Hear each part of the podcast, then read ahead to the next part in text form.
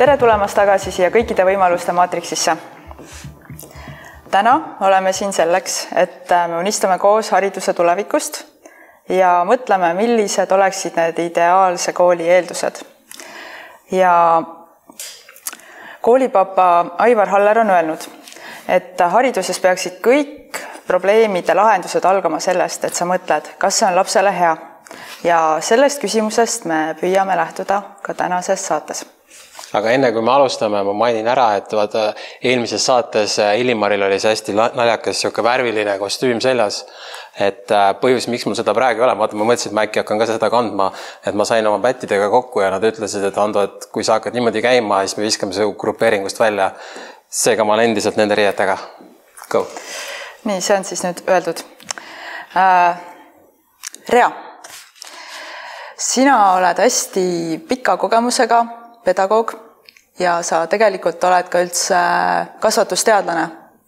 et sinul on justkui kogu see hariduse teaduslik baas olemas, mida kõik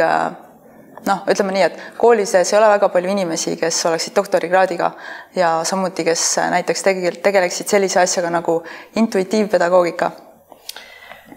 no ma pean ikkagi korrigeerima, et ega vist päris nii ei ole, et nüüd sul on doktorikraad ja sa tead kõike. Pigem mida, mida kõrgem kraad, seda vähem sa tead mõnes mõttes. Aga kui sa alustasid seda teemat, et mis need eeldused on hariduses üldse, et no minu jaoks on järjest rohkem nagu, nagu joonistuvad välja no kaks niisugust põhiteemat on esiteks, et kes me ise oleme, kes laps on, milline see tema potentsiaal on ja, ja huvitav on minu jaoks ka see, et me ei saa keskenduda ainult lapsele vaid lapsega suhestub ju see teine osapool, kas see on siis lapsevanem või õpetaja, et, et kes siis see õpetaja ja lapsevanem ise on, milline tema potentsiaal on ja kuidas need kaks potentsiaali nüüd kuskil kokku saavad. et see on selline natukene võib-olla müstiline või maagiline koht, sest täiskasvanutena me siin ju vist elu lõpuni mõtleme, kes me täpselt oleme või milline meie potentsiaal on või või sageli ju küsid, eks täiskasvanud inimesest ka, inimeselt ka, et mis su eesmärk elus on või, või kes sa oled, siis me nagu ei oska vastata. Et kui me ise ei oska nendele küsimustele enda kohta vastata, kuidas me saaksime siis nagu lapse osas vastata. nii et ühesõnaga see potentsiaali või olemuse avastamine on minu arust nagu hariduses ja kasvatuses üks nagu niisugune kõige tähtsamaid küsimusi, vähemalt minu jaoks. ja teine, mis võib-olla nii-öelda pinnapealsel vaatlusel võib tunduda isegi nagu, nagu selline vastuoluline või on piiride küsimus. et, ähm, et kui me ühelt poolt nagu tahaks rääkida, et äh, potentsiaali avanemine tähendaks nagu kõike lubatavust ja noh, tee, mida tahad ja nii edasi, eks ole, siis ähm, noh, kui me isegi vaatame siin, mida erinevad kasvatusteadlased läbi aastate või aastasadade isegi on rääkinud, et et me võiks õppida loodusest et loodus on üks tähtis osa, millelt õppida ja, ja noh, millelt laps saab õppida oma arengus. et looduses eksisteerivad ju ka piirid. Et mis need piirid täpselt on, millal neid seada, millal nad on lapsele vajalikud ja kasulikud vot see on ka nüüd hästi selline huvitav küsimus ja tekitab väga palju diskussioone. ja, ja miks piirid on olulised, noh näiteks kas või innovatsiooni puhul, et Äh, ma julgen väita, et innovatsioon ja, ja niisugune uuenduslik ei, äh, ei ilmuta ennast sugugi mitte siis, kui meil on kõik lubatud ja tee, mis tahad, vaid vastupidi, just kitsikuses või kui me oleme surutud kuhugi piiridesse või te, teinekord isegi väljapääsmatusse olukorda, vot siis tulevad sellised lahendused, mis sul nagu sellises soojas ja mõnusas udupesas ilmselt ei tuleks, nii et äh, noh, mina paneks täna siia lauale just need inimese potentsiaali avaldamis, avaldumise küsimused ja, ja piiride küsimused mm. -hmm. see on hästi huvitav, et sa räägid sellest äh, kitsikuses olemisest, et äh, meile ka kunagi üks inimene väitis, et kui meil olid Telegramiga hästi rasked ajad, siis ta ütles, et oo, et see kindlasti nüüd avab teie potentsiaali, sest nüüd te peate sealt välja võitlema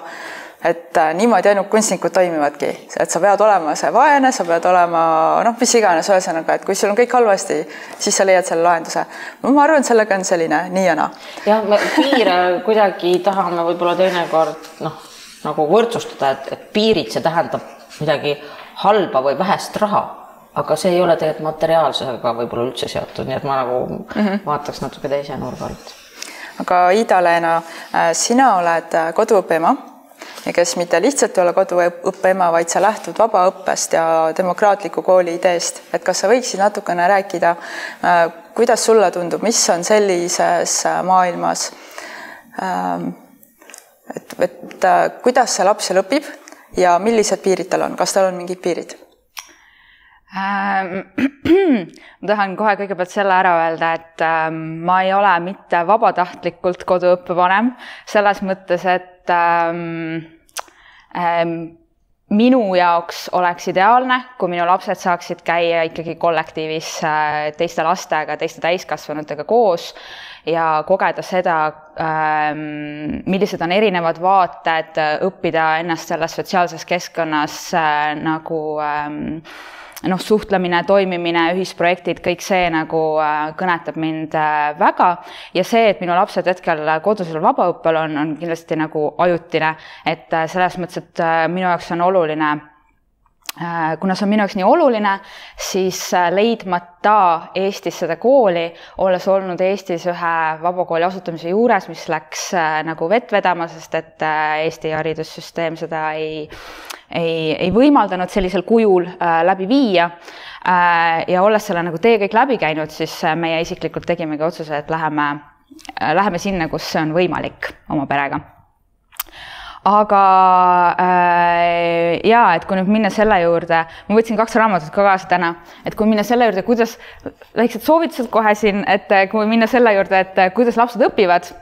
siis äh, või, või kuidas inimkond üldse on äh, mõeldud õppima imetajatena evolutsiooniliselt Äh, ja kuidas on läbi aasta, tuhandete aastasadade toimunud, enne kui oli siis äh, tööstusrevolutsioon ja massiline koolide loomine, äh, siis ma soovitan lugeda Peter Bray raamatut Free to learn, eesti keeles ka Vabadus õppida. Ja, ja, ja kui siit nagu siis samm edasi minna ja tahta vaadata, et mis asi on need demokraatlik haridus ja demokraatlik kool, siis äh, lihtsalt selline piibel, Jaakov Heht, demokraatlik haridus, ühe loo algus. et see ei ole selles mõttes reklaaminurk, vaid see on nagu päriselt, et kui ma tahan aru saada nagu kõigest sellest kompleksselt ja oma lapse seisukohalt, siis ma nagu tõesti südamest lihtsalt äh, soovitan. aga see piiride küsimus, no selles mõttes demokraatlik haridusmudel äh, kohe võtab selle nagu selles mõttes ette, et need äh,, see ei ole midagi uut esimene demokraatlik kool tuhat üheksasada kakskümmend üks, Summerhill äh, Neili, äh, Alexander Sutherland Neili poolt loodud äh, Ühendkuningriikidest, tuhat üheksasada kuuskümmend kaheksa tohutu suur liikumine USA-s Sudbury Valley kool, Sudbury koole maailmas ähm, noh, üle, üle, üle saja. ja siis ähm, Jakob Hecht Iisraelis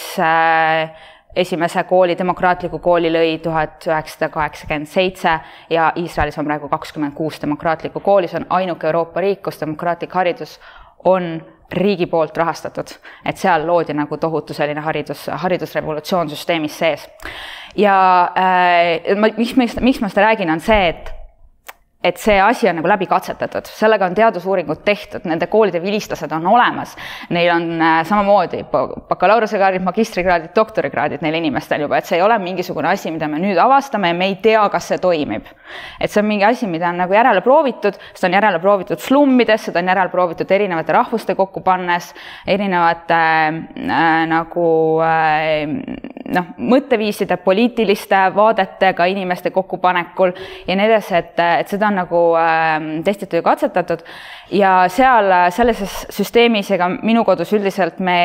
ei lähtu äh, piiridest, vaid me lähtume suhtlemisest. ja iga olukord on individuaalne ja iga olukord on äh, erinev ja äh, me lähemegi nagu läbi selle, et mis selles olukorras selle konkreetse inimesega äh, on kasulik, vajalik, äh, sobilik ja me kaasame kõik osapooled sellesse vestlusesse, sest et ähm, mina näen isiklikult seda, et meil on hakata vaja, meil on vaja hakata looma siis selliseid äh, laia pintsliga suuri nagu mingisuguseid piire või ka oma, oma peresiseselt hakata mingeid piire, reegleid ähm, kehtestama nagu ülevalt alla, hierarhiliselt, autoritaarselt, nagu tavakool on autoritaarselt üles ehitatud, on ju. Äh, siis, kui meil puudub selline nagu usaldus meil puudub see eneseusaldus, meil puudub see usaldus, et ma tunnen ära igal hetkel, mis on õige, ma saan leida lahenduse koos selle inimesega. et äh, siis, siis meil on hakat-, vaja hakata nagu selliseid äh, mingisuguseid nagu raamistikke äh, tugevalt looma. aga demokraatlik kool on ka väga palju erinevaid, seal on äh, kindlasti omad reeglid, oma struktuur, omad reeglid, aga mis on nüüd oluline, on see, et need reeglid on paika pandud nende inimeste poolt, kes seal koolis käivad nende inimeste poolt, kes on täiskasvanud ja nende inimeste poolt, kes on lapsed ja need ei ole väljaspoolt ette antud ja neid on igal hetkel võimalik muuta. igal inimesel on võimalik nagu demokraatlikus ühiskonnas, noh, ideaalis on, on ju, et, et tere, mul on selle asjaga nüüd nagu väike teema, mulle see nagu süsteem hetkel ei meeldi või see, see konkreetne piir või see konkreetne reegel, ma tahaksin nagu vaidlustada seda, mul on võimalik tuua oma ettekäänded sinna äh,, meil on võimalik seda arutleda, meil on võimalik kuulata erinevaid seisukohti ja meil on võimalik otsustada, et mida me siis selle äh,, selle asjaga nagu äh, äh teeme. ja siin selles mõttes selles demokraatliku hariduse raamatus on ka väga palju toodud selliseid vahvaid, no see on hästi eluline, seal on hästi palju vahvaid selliseid päriselulisi nagu näiteid, et äh, kuidas need asjad siis on toiminud, näiteks ongi, et üks tüdruk äh, läks sinna kooli ja ütles oma, neil on mentorid, lastel on oma mentorid, kes äh, siis toetavad neid, aitavad eesmärke seada. kas mentor on nagu õpetaja seal koolis või? Äh, ta ei ole õpetaja, vaid ta on mentor, ehk siis ta võib ka oma huvidest lähtuvalt mingisuguseid teadmisi jagada, aga äh, ta ei ole sellise tavakooli mõistes õpetaja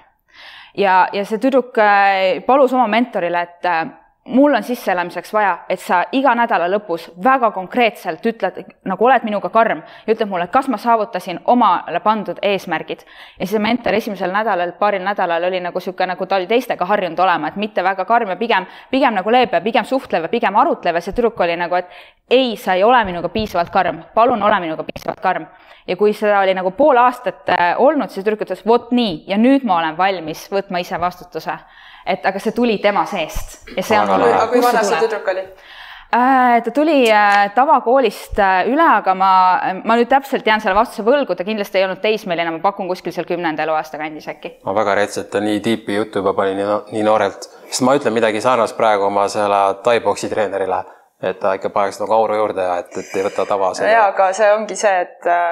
et noh, meie tuleme hoopis teistsugusest äh, süsteemist, on ju. et äh, kui, kui see laps juba pandi demokraatlikusse kooli, siis võib-olla tema koolis, võib-olla tal on kodus juba hoopis teine kasvatus, kus ta. aga minul tegelikult küsimus tekkis kohe sellest, et äh, kas on üldse võimalik, et kõik koolid oleks demokraatlikud koolid, ma pean just silmas seda, et kus need õpetajad võtta, kes nagu üldse nagu biiti jagavad ja, ja mulle meeldibki see, et muidu me istuksime selle küsimusega siin, on ju, aga mulle meeldib, et Iisrael nagu, nagu tegi ära, et ta proovis äh,. mis äh,, sul on, sul on õigus, e-, esiteks, mis ma tahan kohe demokraatliku kooli kohta öelda, on see, et äh, seal nagu õpetajaid on tegelikult nagu mõnes mõttes vähem ja seal kaasatakse hästi palju just nagu neid ühiskonna äh, liikmeid, et seal on seda, et on mingi perioodi, tulebki kunstnik ja, ja jagab oma seda asja, on ju, ja siis ta läheb võib-olla edasi oma elus, tuleb mingi teine inimene, kes teeb nagu nende lastega, hästi palju seda ühiskonda on nagu kaasatud, et neid mentoreid ise seal või nagu neid nii-öelda ametlikke õpetajaid ei ole seal kaugeltki nii palju võib-olla kui on tavakoolis, et äh, selles mõttes nagu arvu, arvu poolest nagu kohe, aga jaa, seal tehti see läbi, et äh, et kui need äh, koolide, ehk siis ainuke riik, mis on proovinud koolide demokratiseerimisprotsessi, tavakooli demokratiseerimisprotsessi nagu läbi teha. ja seal oli edukaid katseid ja seal oli mitteedukaid katseid ja siis seal on analüüs sellest, et, et miks need osad katsed olid edukad ja miks teised katsed ei olnud edukad. ja õpetajatega selgus siis see, et ühed olid kohe paadis, äh, ühed olid niimoodi, et alguses olid väga vastu ja kui nägid, kuidas see hakkas toimima, harisid ennast selles vallas, siis olid väga poolt. ja siis olid need, kes tundsid, et see ei ole minu jaoks jaoks ja astusid nagu äh, nii-öelda paadist välja. et äh, see on ühiskondlik protsess ja, ja mitte lihtne protsess kindlasti ja aga nii palju, kui on erinevaid inimesi, nii palju ilmselt on ka erinevaid koole, et näiteks kui, kui võtta täiesti tavakooli, siis mingis mõttes algklassides ju algklassi õpetaja ideaalis peakski olema see mentor lastele, et tema ju on nende lastega tegelikult ju läbi kõik koolipäevad, ta, ta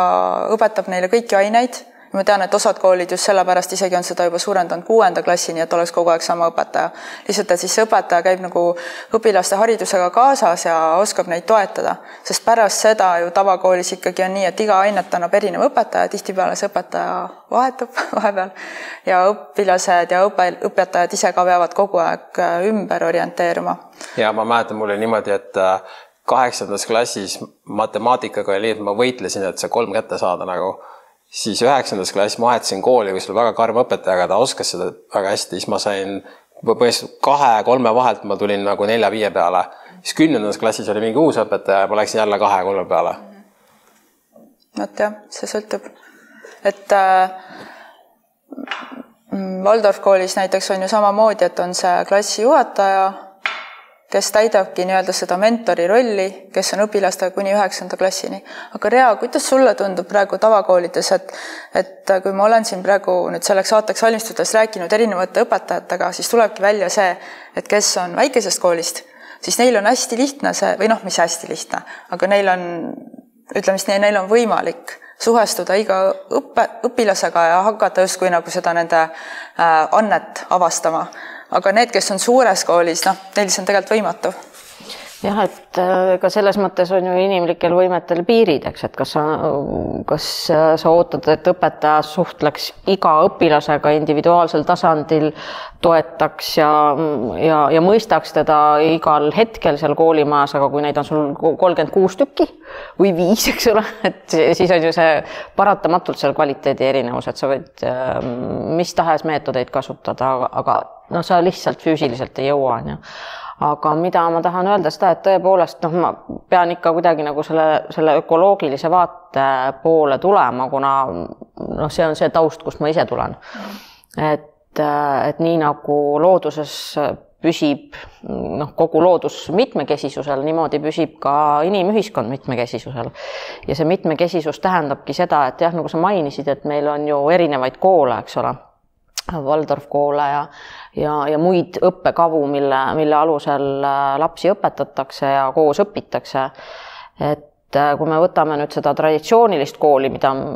kust me kõik oleme tulnud või mis, mis meie põhilise haridussüsteemi praegu moodustab, et, et äh,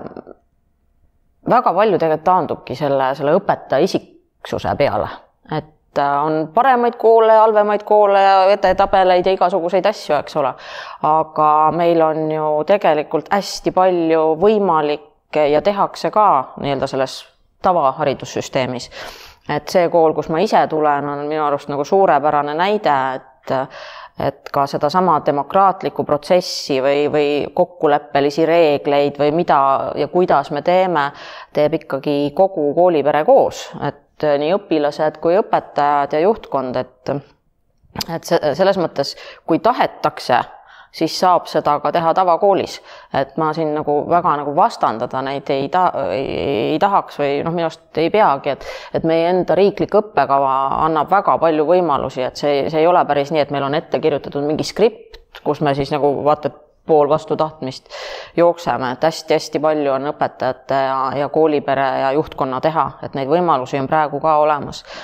aga kuidas neid võimalusi rakendatakse ja, ja mis seal nagu all see niisugune süvavaade on nüüd, et, et mis asi see õppimine ja, ja arenemine koos on, et noh, seal on võib-olla niisuguseid erinevaid nägemusi. et, ähm, et seetõttu noh, ma leian, et, et see noh, see, see niisugune areng või hüpe toimub siis, kui, kui õpilane ja õpetaja saavutab mingi teatud kontakti. nagu me kõik teame, uuringud ütlevad ka, et kui sa küsid, et noh, kes oli hea õpetaja, siis sul esimesena meenub mitte hea õpetaja, kes oskas öelda, kui palju kaks pluss kaks on, vaid millegipärast see õpetaja, kes nagu kuidagi inimlikult sulle tähendas midagi või kas oli mingi eeskuju või, või, või kuidagi sellised muud tasandid hakkavad nagu mängima, niisugused inimlikkuse tasandid. et see tähendab seda, et et noh, minu jaoks on kindlasti see, et me, me ei saa üle ega ümber, et selleks, et me, meil kasvaks niisugune oma potentsiaali kasutada oskav laps peab tal kõrval olema nii lapsevanem kui õpetada, õpetaja, kes neid, neid samu arenguküsimusi ise reflekteerib endal sees. et, ähm, minu meelest siin, ma segan vahele, mis ja. selle haridusega, kui ma nüüd mõtlen, mul kohe, mul meenub kõik, mis ma kogu, kogesin oma seal koolipõlves. Neid tunde oli liiga palju, koduseid töid oli liiga palju, koduseid töid ma arvan, et ei oleks üldse vaja või siis kuidagi väga minimaalselt nagu. ja kui ma vaatan nagu selle õpetaja vaatevinklist või mis see sõna on, on vaatevink, ühesõnaga ma olen õpetaja, siis ma vaatan, et fuck, mul on siin, sorry, mul on mingi kaheksa või üheksa tundi päevas, iga päev, iga tund on mingi neli või kolmkümmend õpilast ma arvan, ma oleks kahe-kolme tunniga, ma oleks juba nii läbi, et ma peaks võtma selle kolmanda kohvi või mingi triibu või kuidas ma üldse nagu vastu peaks nagu. ja sihukeses pinges on ju võimatu, et tekiks mingisugune suhe ehk siis ja kui ma nüüd lisan siia juurde, et meil on nüüd internetiajastu pluss ai, mille tulemusena me peaks palju vähem õppima, sest need aparaadid teevad meil kõik asjad ära. et mulle tundub, me peaksime robustselt vähendama seda, mida lapsed õp-, õpivad ja kõik see koorem, mis õpila-, õpetajatel on kaelas, et kogu see asi neile ära õpetada, siis ajaliselt see on võimatu ja minu arust, see on minu arvamus, võimatu ja ebavajalik, kuna see info tuleb meile sealt arvutist juba noh, sekundiga, meil ei ole vaja tuupida neid asju enam ma ei tea, vot see ongi nüüd see tegelikult selline huvitav arutelu koht, et, et ma näiteks noh, me kuuleme kasvõi õpilasteltki palju seda, et oi, miks ma pean seda matemaatikat või keemiat õppima, et see mind üldse ei huvita, on ju. et, et teatud tasemeni ikkagi on vaja. No,, sellepärast et, et me ju, kui me mõtleme ka iseenda peale, eks ole, et sa tänases ajahetkes ei pruugi võib-olla aimata või arvata, miks sulle mingisugune teadmine on kasulik ja, ja vajalik ka, eks ole, ja, ja kui me mõtleme õppimisest nagu laiemalt, no ma olen hästi nõus, Ülo Vooglaid minu arust ütles selle, selle lause, et, et õppimine on tegelikult mõtlemine, aga mõtlemine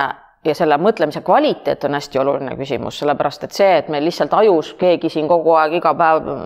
midagi meil sosistab ja mingi dialoog käib, on üks asi no,. No, mõtlen... millal see õppimine toimub, see on huvitav. ma tahaks kohe siit nagu jätkata või siit üle võtta, sellepärast et ähm, äh, on äh, väga huvitav selline teooria on elusteadmise ja surnud teadmise selline nagu äh, filosoofia teooria, et, et kui me vaatame puud, öelda inimesele joonista puu on ju, siis ta joonistab selle puu äh, hakkab maast kasvama, tulevad äh, need äh, lehed ja tüved ja värgid, on ju. aga kui me vaatame, mis see puu tegelikult on, siis puul on seal all terve samasugune nagu see tüvi on ju, tal on see juurestik ka. et äh, üks on siis surnud puu, on ju, lõikan siit maha, on puu, võtan kätte, on ju, ja teine on eluspuu, millel on see juurestik seal all ja teadmistega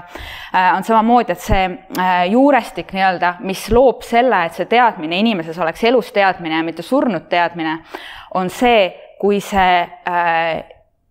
õppimise algus hakkab sellest kohast, kus mul on huvi, kus mul on küsimused ja need küsimused ja huvi tekivad minu seest, et ma ei lähe tundi või kuskile keegi ja siis keegi hakkab mulle midagi rääkima, aga mul pole küsimustki olnud, kas ma üldse tahan sellest midagi teada, kas mind see üldse huvitab, kas see on mulle üldse oluline, on ju. et, et, et see nagu noh, mis nagu demokraatlikes koolides või ka vabaõppe, vaba, koduse vabaõppe puhul ähm,, mis, kuhu me nagu suundume, on, on see, et, et see huvi algaks nagu äh, lapse, lapse seest. Ja nüüd ongi nagu see, et meil riiklik õppekava Eestis paneb ette millest minu laps justkui peaks huvituma, on ju, äh, mis asjad ta justkui peaks nagu äh, ära õppima. Ja mingisugused baasasjad lihtsalt selles ühiskonnas elades inimestel tekib huvi. lastel tekib huvi arvutamise, kirjutamise, enamikel lastel, siin on väikseid erandeid, ma olen eripedagoogi taustaga, on ju.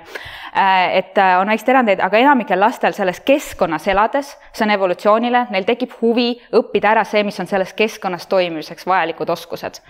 on ju. ja siis neil tekivad erihuvid. Ja need on iga indiviidi puhul nagu olulised olulised, millega nad tahavad minna äh, süvitsi ja sealt hakkavad tulema vastused ja kui ma puutun kokku teiste inimestega, keegi ütleb midagi, sealt mul tuleb juba impulss. tänapäeva laps elab metsikult stimuleeritud keskkonnas see ei ole enam see, mis oli kol-, isegi kolmkümmend aastat tagasi, mis oli viiskümmend aastat tagasi, kus oligi vaja, et klassiõpetaja tuleks ja näitaks pilte. see on Ameerika, see on, see on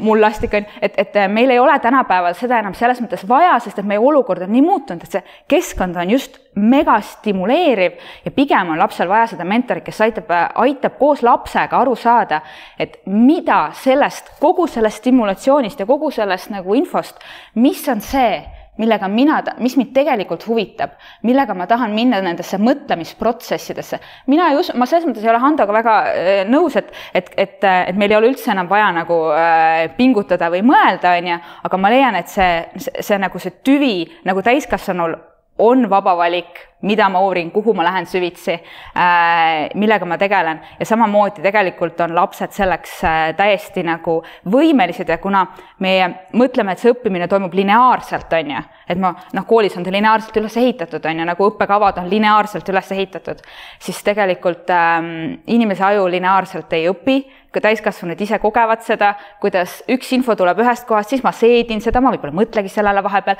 ja siis ma tulen selle juurde nagu tagasi. mina õpin näiteks, ma olen avastanud enda puhul, et ma õpin äh, iga kevad, mul tuleb kaks kuud, tuleb see koht peale, kus ma õpin keelt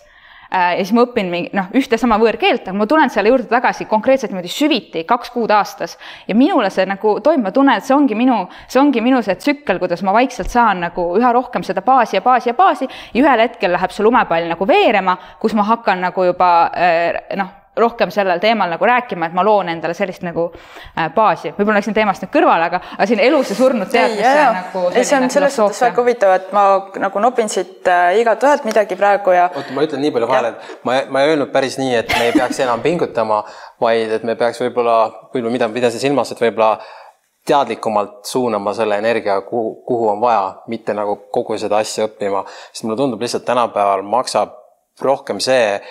kui ma suudan vältida seda stimulatsiooni, mis siin on ja et just see nagu keskenduma õppimine ka ja kõik need. see on väga huvitav, et sa üldse kogu seda asja õppima, sest et äh, meil on justkui vaade, et see, mida koolis antakse, on kohutavalt lai ja ma pean nagu kõigesse süübima, aga kui me vaatame maailma teadmiste kontekstis, siis see, mida meie kool õpetab, tegelikult on mõnes mõttes hoopis kitsas, on ju, kui me vaatame, minul on alles, ma olen kolmkümmend neli, on ju, ja minul on alles nüüd hakanud tekkima arusaam, kui palju ameteid on maailmas olemas, milliseid erinevaid inimesi on maailmas vaja, on ju. et koolis see jääb kuidagi väga-väga nagu kaugeks nende õppeainete juures, mis meil on, et äh, minu jaoks on see hoopis kitsas tegelikult. aga, aga see sõltub ka õpetajast, et äh, just seesama noh, et äh, et kõik need õppeained justkui ka aitavad meil nagu seda äh, tekitada seda mõtlemisharjumust, analüüsiharjumust, on ju, nagu Rea ütleb, et noh, kõiki neid on vaja, samas ma mõtlen enda keemiat, on ju, et põhikoolis ma õppisin keemiat eliitkoolis ja seal oli noh, meil, meil oli konkreetselt selline õpetaja, et kui tund algab, siis sa pead seisma seal äh, vahekäigus, vahekäigus ja kõikidel pidid olema asjad ühtemoodi laua peal, pinal siin, raamatud siin, noh, see oli nagu Jugend. see on see tehas, tehase töötaja väljatöötamine. Nagu see, see on ja, nagu, see on tänapäeval ka, osadel õpetajatel on niisugune käekiri, osadel ei ole. pähe ja see keemia oligi minu jaoks need valemid ja noh, okei okay,, me tegime katseid ka, see oli lahe. aga alles keskkoolis meil tuli niisugune keemiaõpetaja, kes hakkas rääkima, kuidas seda keemiat ühendada eluga et äh, missugused need ained, mida me siin klassis õpime, on sul kodukeemias. kõik sellised see... asjad, et noh, et noh no, tegelikult ma saan aru, see on kõik osa elust, isiksuse küljest kinni. et õpetaja peab sulle õpetama, miks praegu... sul läheb keemiat vaja. ja ikkagi isegi, kui sul on seal klassi ees õpetaja, kes põhjendab sulle need ära ja kas, kui see küsimus ei ole tulnud sellelt lapselt ja meil on klassi, meil on klassikomplektid, need on ühes vanuses lapsed, aga õppimise nagu selline noh see ei käi vanuse pealt, inimene ei ole robot, et mul käib nüüd vanuse pealt, on ju. et selles mõttes taaskord huvipõhiselt neid asju nagu äh, kokku pannes on see sellest räägitakse noh, päris palju ka, et, et noh, et kuidas me noh, paneks lapsi mitte vanuse järgi, vaid noh, et see oleks mingid vanuselised piirid, et noh, päris kolmeaastast ja kahekümnest võib-olla kokku ei pane, aga, aga mingisugused sellised astmed, et äh, seda on ju ka katsetatud ja tehtud. aga me peame ikkagi kuidagi mõtlema selle peale, et mis asi on meil see ülejäänud ühiskond ja mis asi on kool. et nad peavad tegelikult noh, mitte ei pea, aga nad lihtsalt on üksteise peegel. et vahel me kuuleme nagu selliseid äh, haridusinnovaatilisi ideid, et äh, mis kõik peaks olema ja ja tegelikult ühiskond on hoopis teistsugune. et näiteks no võtame sellesama kiusamisvaba kooli idee, mis on ju väga tore, aga et me pühendame hästi palju ressurssi sellele, et, et ei toimuks koolikiusamist, aga nii kui see laps astub koolimaja uksest välja, kas koju oma, läbi oma vanemate lugude või mis ühiskonnas või teleekraanil on, siis on seal kiusamist, nii et anna olla täiskasvanud inimeste vahel. et, et kuidas nagu saavutada see, et et äh, õppimine ja niisugune kasvamine ei oleks ainult nagu koolikeskne, et et sa annad nagu lapse nüüd sinna ja seal toimub siis mingisugune imedemäng, aga meie siin võime olla niisugused, nagu meil endal pähe tulevad. no see on nüüd kaks et, eraldi teemat, see, see, see kodune kasvatus, eks ju, see kiusamine tuleb inimeste seest. et äh, kui, kui äh, kui perekond ise on niisugune kiuslik või vaatab seal neid uudiseid hommikust õhtuni, siis või ema-isa saab... räägivad laste kuuldes kedagi taga. ma, ma, ma tahan siinkohal jälle vahele selles mõttes, et ma olen nõus äh,, aga teisest küljest see tuleb ikkagi ka süsteemist. sest et äh, see on see, et milline on minu kodu peresüsteemi toimimise dünaamika. ja siis me läheme siit peresüsteemi toimimise dünaamikast, me läheme koolis toimi-, kool, milline on koolisüsteemi toimimise dünaamika ja need on ühiskonna alused. ja siit kasvab uus ühiskond. vana ühiskond on kasvanud selles süsteemis, kus kiusamine oli soodustatud. ja sellepärast meil on ühiskond, mis kiusab. sellepärast meil lähevad lapsed koolist välja ühiskonda, mis kiusab. kui me tahame seda muuta, siis me peame minema me peame tervendama on ju täiskasvanuid, kes hakkavad siis äh,, loovad teistsuguseid dünaamikaid äh, lastele ja, ja selles mõttes on minu arust see koolisüsteem nagu väga hea. kusjuures ma kiusamise poolelt ma panin isegi siia väikse sellise järjehoidja endale vahele, sest et see, see, ka see test on ära tehtud demokraatlikes koolides, kuidas see tavakool, kus oli metsikult kiusamist, see oli nagu see slummikool nii-öelda, kus oli nagu kõige hullem kontingent põhimõtteliselt üldse. ja kuidas nad hakkasid seda protsessi seal demokratiseerima ja kuidas see kiusamine esimesest päevast alates kui nad hakkasid neid asju ellu viima, hakkas vähenema ja kui äh, jõuti nagu äh, viimase etapini siis see kool oli täiesti kiusamisvaba ja seda, seda nagu võivad kõik need äh, demokraatlikud koolid üldiselt äh, öelda ja tunnistada, et neis koolides kiusamist ei eksisteeri, sellepärast et neil lastel lihtsalt, neil ei, puudub, puudub täielik nagu mõte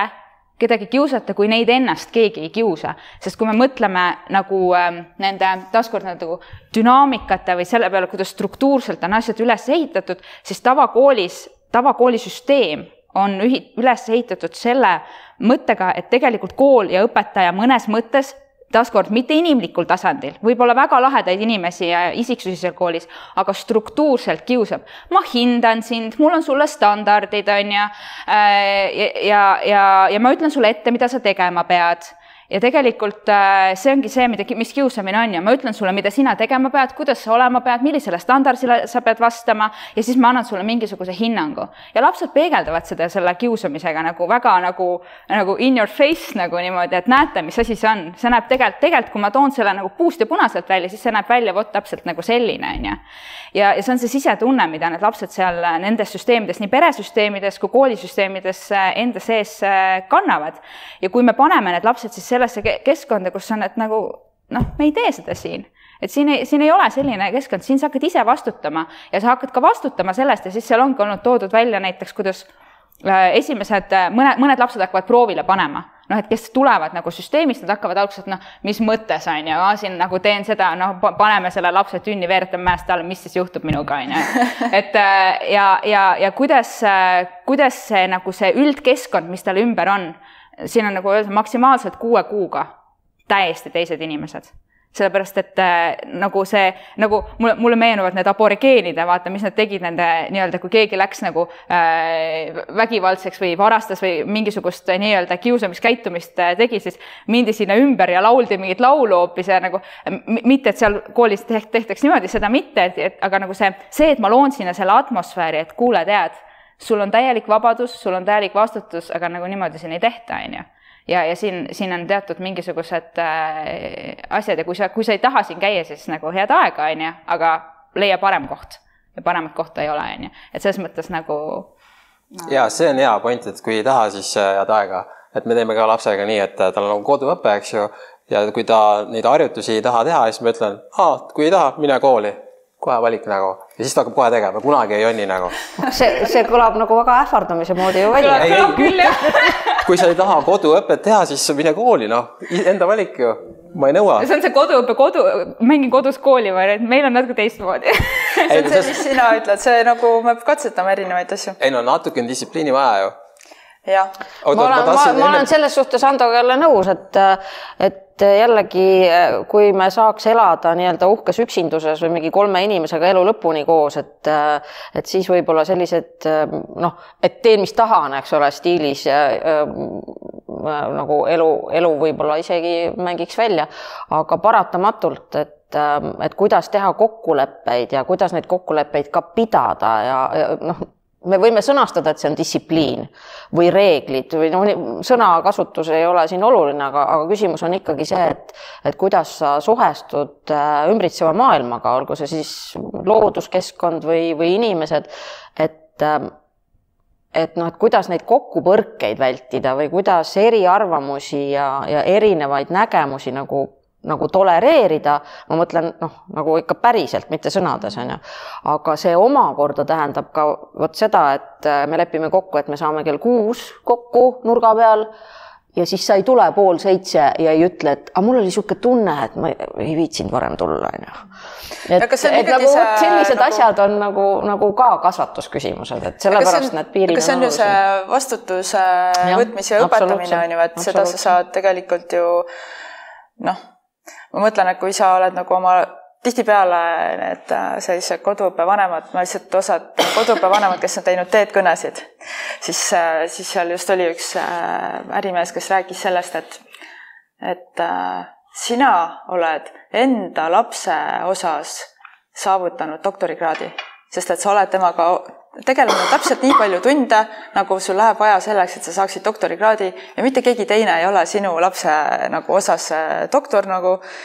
ja sellepärast tegelikult sina tead kõige paremini, mis su lapsel on vaja, mis ta tahab ja nii edasi. et, et sina tegelikult, kui sa võtad selle vastutuse, et nüüd sa õpetad last kodus, siis sa tegelikult pead ka õpetama lapsele seda vastutustunde võtmist, sest et koolis seda tihtipeale ikkagi õpetatakse läbi ähvarduse. hirmu, ähvarduse, et kui sa seda ei tee, siis noh, ühesõnaga, et vastutustunne on justkui see, et sa, et sa teed mingi asja ära selleks, et mitte saada karistada justkui. et noh, et see on ju ka, see ei ole ju selles suhtes õige. ja, ja see vastutustunne on ju otseselt tegelikult ka seotud noh, kui, kui küsida, et aga mille eest sa vastutad üldse laiemas mõttes on ju. et mis siis selle, mis siis tegelikult selle kasvatuse või arengu eesmärk on. et ähm, midagi ei ole teha, tsiteerides klassikuid, mul on siin natuke köha sa oled ju vaktsineeritud ju kuule, eks meil lapsepõlves ju tehti igasuguseid süste. et, äh, et tegelikult noh, selline mees nagu Abraham Maslow, keda kõik teavad, on ju, aga, aga paratamatult väga pinnapealselt ja ühekülgselt. et tema tõi äh, minu arust väga-väga hästi välja selle, et mis on meie inimeksistentsi üldine mõte, mille peale me ei mõtle väga on, on tegelikult see meie enda altruistlik motivatsioon maailmas midagi ära teha, mitte iseendale, vaid tegelikult nagu maailmale või jätta mingi jälg, teha midagi head, eks. ja, ja see, see, et äh, nagu lõputu keskendumine ainult iseendale, et mis minule on hea ja, ja mis, mida mina tahan, et äh, kui me siin alguses rääkisime piiridest et nagu küps isiksus peab suutma tõmmata ühel hetkel ka piiri, mitte mina, vaid maailm, on ju. et mis see asi on, mida ma tahan maailmas korda saata, et sealt tulevad need suured missioonid ja suured eesmärgid ja kui, kui inimene on kontaktis selle suure eesmärgiga, miks ta siin maailmas üldse on, ehk sellise vaimse teljega, et siis ta suudab ka nagu iseenda potentsiaali hoopis teistmoodi avada. et sageli jääb see lapse arengu teema kuidagi noh, nagu hästi lapsekeskseks, et nagu kogu maailm tiirleks lapse ümber, mis talle hea on. aga ei ole olemas sellist maailma, kus tal on hea ja maailmal on halb, eks ole et siis ei ole tal ka hea. et tegelikult see suhe maailmaga, kas sa nimetad seda suhteks teise inimesega, suhteks loodusega, ühiskonnaga, et vot kuidas see energia käima panna ja kuidas, kuidas laps järjest arenedes mõistaks, et et äh, mis siis tema see suur kutsumus või kui me rääkisime siin töökohtadest, eks ole, et et noh, seda on ju väikelaste puhul juba on näha, et, et, et kuhu ta kaldub või mis teda huvitab, eks ole, et et kas tal on võimalus realiseerida ennast nüüd selles valdkonnas ka reaalselt noh, töö kaudu, et millal me jõuaks sinnamaani, et inimese jaoks nagu töö ja hobi on üks ja sama, on ju. Et, et tegelikult peaks nagu kuhugi sinna jõudma, sellepärast et kokkuvõttes on ju ühiskonnale ka see palju kasulikum, sest kui sul iga inimene realiseerib oma kõige noh, niisugust suuremat potentsiaali ja missiooni, et, et ta tahabki teha midagi suurt ja ilusat põhimõtteliselt, isegi kui ta on autojuht, on ju. aga et ta tahab seda teha, siis ilmselt on ju põhjust mõelda, et, et ühiskonna kvaliteet tõuseks ka. aga et kuidas me sinna jõuame, et see on see koht, et nagu niisugune nagu pikk suur eesmärk peab ka ühel hetkel mängu tulema, mitte lihtsalt. mina üldse ei näe neid vastandlikuna selles just, mõttes, et just. on nagu see, ma ütlengi, et. Neid ei ole vastandlikuna mõeldudki. et enamikel neil äh, äh vabaõppe ütleme, süsteemist kasvanud, vabaõppesüsteem, see ei ole süsteem, aga, aga vabaõppeperedes kasvanud ja ka demokraatlikes koolides kasvanud äh, inimestel ei ole nii-öelda selle,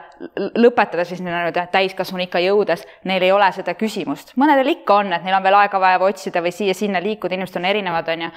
aga ei ole sellist nagu seda küsimust, et no nii, nüüd sai läbi ja mis mis ma nüüd siis nagu tegema hakkan, sest nad on juba nii algusest saati ühendatud kogu selle kasvukeskkonnaga, kogu selle maailmaga, kus nad elavad, kõikide nende nagu ähm, mõtetega, et, et mina näen, et kui ma teen seda, mida mina tahan teha,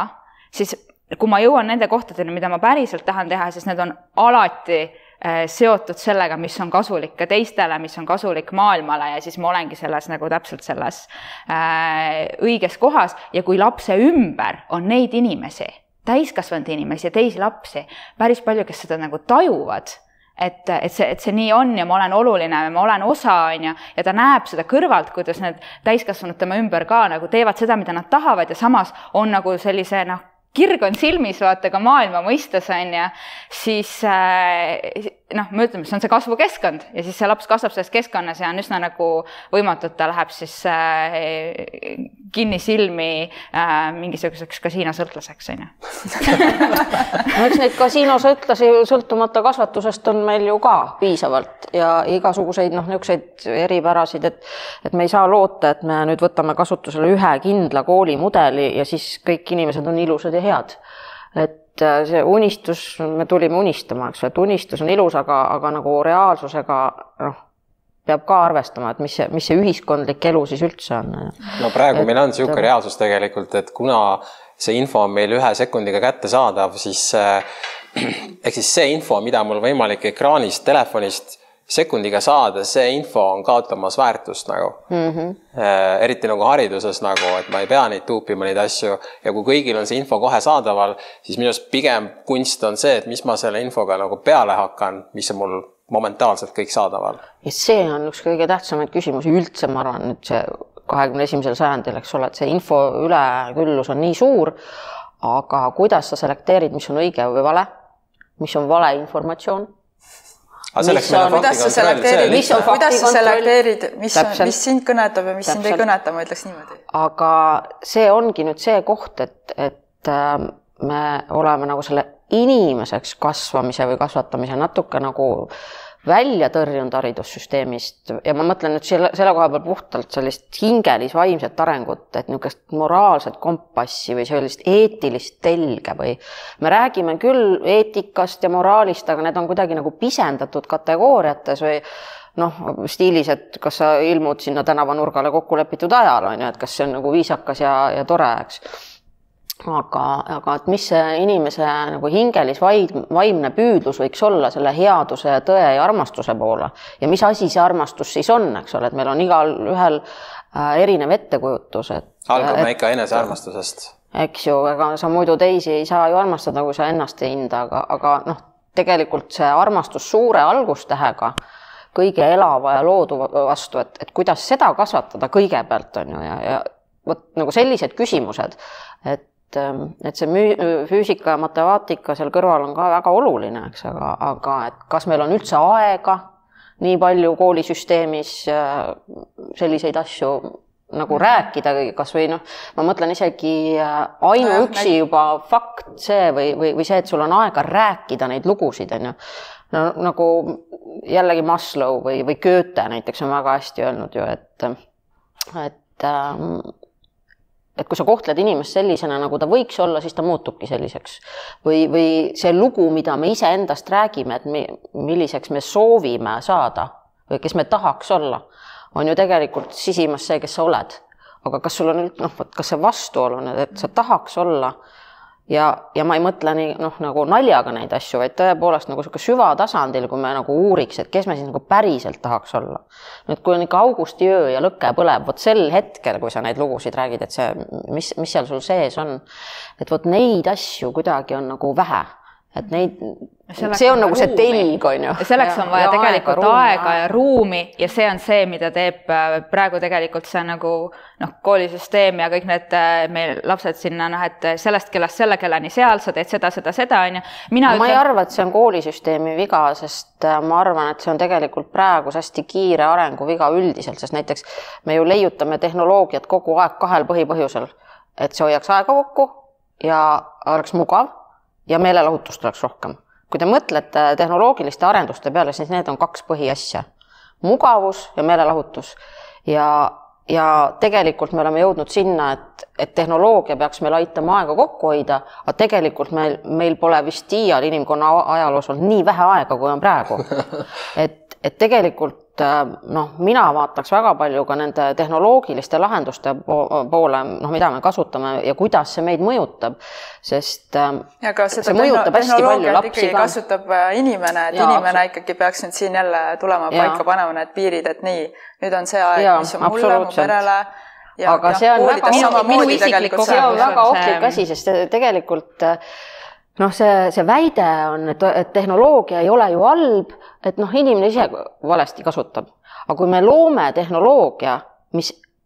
nii-öelda meelitab enamikku inimesi kasutama seda valesti, siis ei ole inimene süüdi, vaid on tehnoloogia arendus süüdi. et tegelikult äh, mina nagu, nagu vaatan seda tehnoloogia arengut kohati nagu ikkagi hirmuga ka, sest me ei anna endale aru, mida me sellega tegelikult teeme, et me arendame seda noh nagu öeldakse, seda kirvest hullumeelse käes. kirves on juba nii teravaks ihutud, et sa pead tegema ainult niimoodi ja maailmast ei jää mitte midagi järgi. aga seesama hullumeelne, kelle käes see kirves on, vot tema selle, selle hingelis vaimse arendusega me eriti ei tegele. me mõtleme igasuguseid uusi metoodikaid või koolitüüpe välja, aga me ei mõtle selle peale, mis juhtub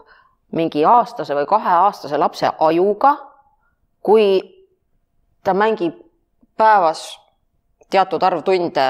kahemõõtmelise ekraaniga, mis reaalselt ja pöördumatult tema ajus toimub.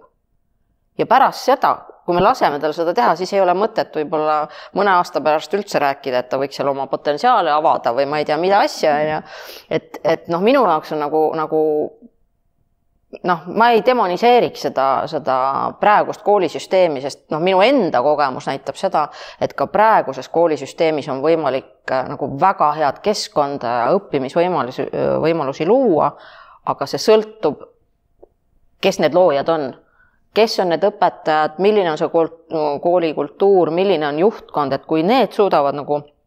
nagu koos ühes käia, siis tegelikult meie riiklik õppekava on, on väga palju liikunud sinnapoole, et seal on ikka väga avarad piirid. seal ei ole enam niimoodi, et sa pead täpselt sellest tunnist täpselt sellist asja pähe tuupima, et meil on tegelikult väga noh, nagu palju võimalusi, aga me neid ei kasuta lihtsalt. aga kas tänapäeval, oot, oot, kas tänapäeval õpetatakse muidu koolis, kuidas nagu raha teenida, ellu jääda ja kuidas ma süüa teha ja? Sina õpetad? aga kas, kas majandust ka. aga see on kõikides koolides, ma ütlen, et see oli üks põhiteema, et äh, vähemalt meie ajal lõpetasime kooli ära, keegi ei teadnud, kuidas raha teenida või ellu jääda ja siuksed asjad. ma õpetan ise jätkusuutlikku majandust ja ettevõtluse aluseid ja innovatsiooni ja tulevikukujundust, nii et noh. aga kas see on igas koolis niisugune õpetaja või programm või? Äh, ei ole, see oleneb koolist aga näiteks... koolidel on ka võimalus väga palju erinevaid aineid pakkuda, täiesti selliseid äh, noh, millel on sellised nimetused juba, mida sul ei ole ütleme sellises keskmises äh, õppekavas. aga Taanis on õppekavas olemas niisugune õppeaine nagu empaatia jah ah,, mina oleks väga seda kas..., seda poolt, seda saaks tegelikult Eesti koolis ka teha, selleks noh, valikaine tuleb teha, onju. aga siin, seda on nagu vähe. siinkohal rääkida ühe toreda loo, mul on, töötan terapeudina ja minu juurde tuli üks äh, neljateist, viieteistaastane tüdruk ja me rääkisime natuke tema vaimsest tervisest ja, ja, ja kõigest sellest ja siis ta rääkisin, pakkusin talle välja ka noh, mis on nüüd väga levinud, on ju vaikuseminutite need harjutused eh, või et teeme äkki mingisuguse väikse protsessi meele, meelerahustuseks värki-särki. ja temas oli nii tohutu vastumeelsus ja ma küsisin, miks, ta ütles, et meil oli see koolis, me pidime seda tegema ja ta oli. see oli kohustuslik. see oli kohustuslik, nagu see ei olnud jah. tema, tema valik seda osaleda, siis ma räägin, see elusteadmine mm, -hmm. surnud teadmine on ju, et see ei tule sealt kohast, kus, et mul on vaja, ma tahan, võib-olla see aitab mind, vaid see on sellest kohast, et no nii, lapsed, meil on siin nüüd, nüüd empaatiatund, meelerahutund, silmad kinni ja teeme ja see on see koht, kus mul tuleb see vastumeelsus mm, -hmm. oota kas ma valisin siin üldse olla, kas ma üldse praegu tahan siin olla? Ja see on nagu see koht, kus nagu me võime mõelda, et aa, teeme hästi palju ägedaid aineid ja mis kõik veel on ju, aga nii kui me võtame valikuvabaduse ära, nii see jookseb nagu mingitel, mingitel inimestel jookseb see õigesse kohta, tema just tahabki seal olla, on ju, aga mingitel inimestel jookseb see ikkagi. Neid vaikuseminuteid tehakse päris palju ja noh, ongi, oleneb, kuidas siis kool, kool on valinud, et kas seda tehakse noh, nagu, nagu tõesti, et kes tahab, on ju või aga noh, sageli teed niisuguste uute metoodikatega, et millel nagu noh, mingil põhjusel on hea kuvand või hea uudsuse märk küljes, et siis kõik hakkame nagu robinal kohe tegema, eks. et selles mõttes nagu minu arust nagu kool haridussüsteem peab olema ka nagu teatud kraad konservatiivne, heas mõttes on ju, et äh, et mis see teaduspõhisus siis muud on, kui, kui see, et, et noh, kui tuleb midagi uut, et sa tõesti nagu, nagu oled uurinud, et nagu sa ütlesid selle demokraatliku kooli kohta, et et, et on uuringud taga ja, ja, ja noh, tõesti, kuidas kuidas see protsess läheb. et iga kord jah, niimoodi nagu selline uisapäisa või poolikult äh, mingisuguseid äh, metoodikaid kasutusele võtta, et tõesti võib teha nagu rohkem kahju ka. et, et see on õigem. ma viskan siia lõpetuseks veel õhku ühe sellise äh, uuringu, mis tehti USA-s kus siis jälgiti lapsi läbi nende kasvamise ja läbi kooli ja ähm, seal siis selgus, et kui alguses kõik lapsed olid äh, geeniused, ehk siis neil oli, nad olid nagu, neil oli, neis oli see puhas huvi, puhas potentsiaal ja nad olid mingis asjas andekas, andekad, siis äh, nüüd, kui neid hakati kõiki seal koolisüsteemis vormima ühesugusteks, siis äh, kaheteistkümnenda klassi lõpuks oli andekus alles jäänud ainult kümnel protsendil. et äh, kuidas siis, milline ikkagi siis peaks olema see ideaalne kool, mis äh, jätab alles selle, et need lapsed ka kooli lõpus oleksid kõik, et nad just nagu seal demokraatlikus, et nad ongi juba selle oma ande leidnud, et noh, me ju kõik teame neid inimesi, kes, kui on kool läbi, siis nad mõtlevad, aga mis ma nüüd teen? Mhm. mis, et mis ma õppima lähen? Ma, ma tahan siia väikse loo tuua sisse, et mul läks äh,, miks ma enne mainisin ka, et seda aega ja ruumi läheb vaja. mis vabaõppes on hästi levinud, on see äh, de-schooling ehk siis öeldakse, et iga sellise strukt- äh,, selles nii-öelda koolisüsteemis käidud aasta kohta läheb äh,, no see on niisugune üldpintsliga tõmmatud, aga et üldiselt üks kuu äh, sellist mitte midagi tegemist, lihtsalt tühja passimist, et seda enda süsteemist nagu välja saada. ja see on huvitav, ma sain seda teada aastaid hiljem, pärast seda, kui ma olin ise kaheteistkümnenda klassi lõpetanud, pärast kaheteistkümnendat klassi mina tegin sellist asja, et ma üheksa kuud istusin ja vaatasin telekat ma istusin, mul oli, mul oli, õnneks mu vanem, ma ei tea, mida nad mõtlesid, aga nad ei öelnud mitte midagi. ma läksin ülikooli, ma vaatasin, see aine ei ole mulle, kuu aega käisin, tulin ära ja ülejäänud üheksa kuud ma lihtsalt ist-, ma käisin autokoolis, käisin, seda ma tahtsin teha, jõulupäeva ma tahtsin ja ma vaatasin telekat ja siis ma mäletan, oli kevadpäev ma panin teleka kinni, tõstsin selle teleka sealt ära, viisin prügimäele. sellest ajast saati mul pole telekat olnud ja ütlesin, et nii, nüüd ma tahan ise päriselt hakata midagi tegema, nüüd ma tahan ise hakata midagi uurima, midagi õppima ja siis ma läksin ülikooli õppima järgmisest äh, sügisest midagi hoopis, hoopis teist, on ju. aga mul läks nagu seda ja ma olen hilisemas elus ka tundnud, kuidas mul mingite protsesside nagu lahti arutamiseks läheb teinekord isegi kaks-kolm nädalat seda, et nagu ma lihtsalt olen, ma võin, ma enam ei vaata telekat, okei okay,, nüüd ma lähen loodusesse, ma võib-olla suhtlen mõne toreda inimesega, käin mingisuguses teises keskkonnas, on ju, aga sellist nagu ruumi aega, et hakkaks see protsess üldse tööle, et oo, mina, ma eksisteerin, mida ma tahan et äh, selles mõttes sellist nagu aega-ruumi, kus mul ei ole sellist nagu survet peal, et sa pead midagi tegema, sa pead midagi õppima ja, ja siin on sul nagu valikud ja vali nüüd ja et noh, nagu sellist aega-ruumi on nagu inimesel äh, vaja. Ja ma arvan, et see on ka üks põhjus, miks nendes, miks nendes koolides ja nende ja vabaõppest tulevad lapsed ka, et äh, miks neil need asjad nagu selged on, sest neil on see vaba aeg ja ruum nagu olemas olnud ja et selles mõttes nagu noh, see vana tuntud mure, eks ole, et esimestesse klassidesse lähevad niisugused hästi loovad ja lahtised ja, ja niisugused rõõmsad lapsed ja siis kuskil viiendas-kuuendas klassis hakkab see nina norgu vajuma, on ju. et tegelikult ongi jah, lihtsalt seda aega ja ruumi, et ka lastele katsetada erinevaid asju, sellepärast et ähm, laps ei pruugi sugugi seitsmeaastaselt teada, mida ta tegelikult tahab või mis, mis see tema jaoks kõige suurem huviala on, tal ongi vaja katsetada, ta oh. saab võib-olla kümneaastaselt teada, et nüüd see on see, mis ma tahan, on ju. et, et seda sellist aega ja, ja, ja tähelepanu ja, ja, ja eksperimenteerimisvõimalusi ja, ja, ja aga noh, kuidagi nagu see ajateema tuleb ikka vägisi ette ja kindlasti see, et need klassid peaksid olema väiksemad. et Äh, kui me tahaks ideaalist unistada, siis ma kujutan ette, et niisugune kaksteist õpilast klassis võiks olla nagu see piir. ja teine asi, äh, kindlasti peaks olema väikesed koolid, sest äh, see kõik, niisugused väiksed koolid, väiksed klassid, see juba hakkab looma seda hoopis teistsugust atmosfääri ja keskkonda, et noh, mina olen väga nagu selle poolt või, või sellel on väga palju tugevaid argumente ka uuringute tasandilt kõrval, aga aga paraku me näeme jah, et äh, küll rahastuse ja, ja muud probleemid äh, pigem meil Eestis praegu toimuvad ja vastupidi, et väikseid koole pannakse kinni. samal ajal rääkides, äh, kuidas haridussüsteemi kvaliteeti on vaja tõsta, et et siis, siis jääb küll mulje, et noh, et, et mis see kvaliteet on siis, mida me tahame tõsta, et, et niisugused küsimärgid on õhus ikka, jah no eks see on põhiteema, et aru saada, mis asi see on, millega inimene tahab tegeleda, sa ütlesid, vahel seitsmeaastane ei tea, ma tean enda vanuseid, kes ei tea siiamaani, mis nende elu mõte on. et vahel aitab, kui te teete seeni või MDMA-d,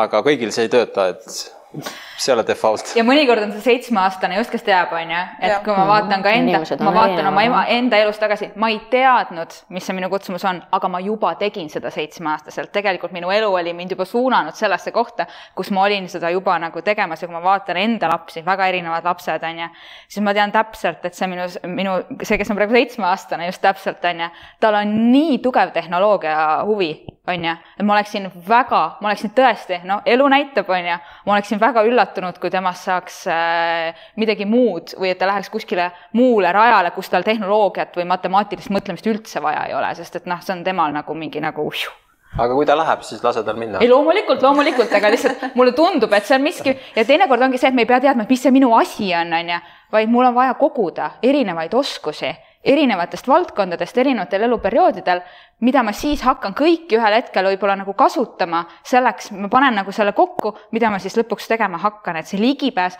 koolis peaks kindlasti olema ligipääs lastel erinevatele asjadele erinevatele valdkondadele, erinevatele katsetustele, selles mõttes selline nagu ligipääs kindlasti. ka ke loomulikult keemiale, keemiale ka, aga noh, minu, kui minu käest küsida, et milline ideaalne kool, siis minu jaoks on see selles mõttes nagu juba mõnes mõttes loodud, on aren-, arenevad koolid kõik, kindlasti ise nad ei ole kõik ühesugused, on ju, aga et noh, et mina, mina ei näe, et peaks olema üldse nagu klassikomplektid kui sellised, vaid äh, lapsed peaksid saama ise valida seda, kellega, millal, kuidas nad äh, suhtlevad ja ja, ja, ja, ja mis, millal nad mida õpivad ja kuidas see, kuidas see kõik neile nagu kokku tuleb. et äh, ja minu arust tegelikult, kui me vaatame, siis mõnes mõttes see ühiskond tervikuna justkui kui me vaatame hariduse innovatsiooni, mis seal toimub, kui me vaatame ka mingisuguseid innovaatilisemaid koole, et ta justkui liigub sinnapoole, vaata kui palju meil gümnaasiumites on juba, riigigümnaasiumites on valikuid ja asju on ju, justkui nagu liigub, liigub vaikselt-vaikselt sinnapoole ja siis, ja siis meil on mingisugune jõud, on ju, mis hoiab seda arengut ikkagi veel nagu tagasi ka, et noh, selles mõttes on seda huvitav, huvitav jälgida. jaa, põnev teema selles suhtes, et küsimusi on palju, eks see ole see prak-, eksimus ja mis asi see praktikameetod või? Mis iganes see sõna on, et see Aldous Huxley kirjutas seal juba ammu selles Brave New World raamatus, et meil ikkagi neid epsilone ka vaja, et muidu maailm ei tööta. aga me ei tea, kas see on tõsi. võib-olla peame uue katse tegema. võib-olla seal raamatus lihtsalt kõik inimesed ei saanud oma andeid ei saanudki neid kunagi avaldada, et vaata, on ju ka neid inimesi, kes alles seitsmekümne, kaheksakümne aastaselt saavad aru, ma olen see inimene. Ja siis nad teevad ikka selle oma unistuse ära ja nad on ikka õnnelikud. Yes.. nii et äh, lõpetuseks ütleme seda, et siis, kui lapsed on õnnelikud, kui nende vajadused on kaetud, kui neil on mingisugused piirid kui nad saavad unistada ja kui neil on aega mõelda, olla, eksida, siis äh, tegelikult ju,